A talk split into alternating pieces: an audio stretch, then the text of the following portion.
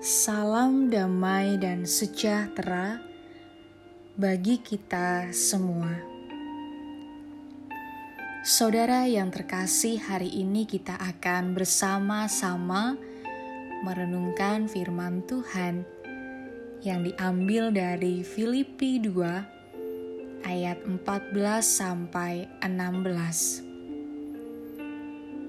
Lakukanlah segala sesuatu dengan tidak bersungut-sungut dan berbantah-bantahan, supaya kamu tiada beraib dan tiada bernoda, sebagai anak-anak Allah yang tidak bercela di tengah-tengah angkatan yang bengkok hatinya dan yang sesat ini, sehingga kamu bercahaya di antara mereka seperti bintang-bintang di dunia sambil berpegang pada firman kehidupan, agar aku dapat bermegah pada hari Kristus, bahwa aku tidak percuma berlomba dan tidak percuma bersusah-susah.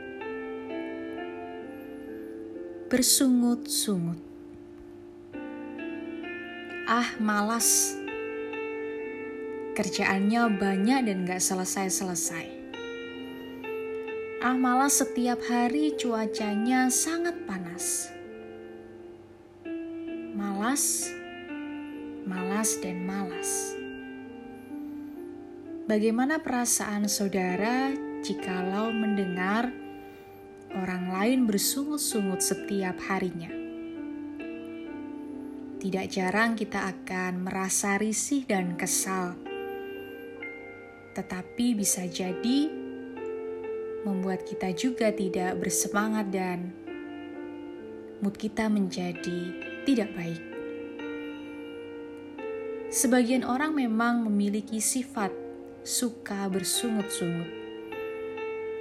Mungkin karena mereka gampang stres, merasa menemui kesulitan yang di luar dari kemampuan mereka. Tetapi bacaan kita saat ini Rasul Paulus menulis surat kepada jemaat Tuhan di Filipi ketika ia sedang di dalam penjara. Dalam suratnya, Paulus meminta jemaat Filipi agar meneruskan pekerjaan keselamatannya, meskipun Paulus tidak bersama-sama dengan mereka jemaat dinasehati untuk tidak bersungut-sungut dan berbantah-bantahan. Sebab yang melakukan pekerjaan itu adalah Allah sendiri menurut kerelaannya melalui kemauan dan pekerjaan jemaat.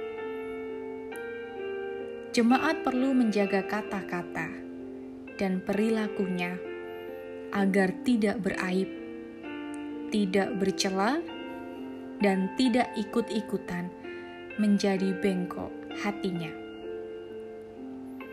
Ada atau tidak ada Paulus, jemaat Tuhan tetap harus giat bekerja dan mengabarkan Injil dengan tidak bersungut-sungut. Paulus juga ingin supaya mereka selalu bersuka cita.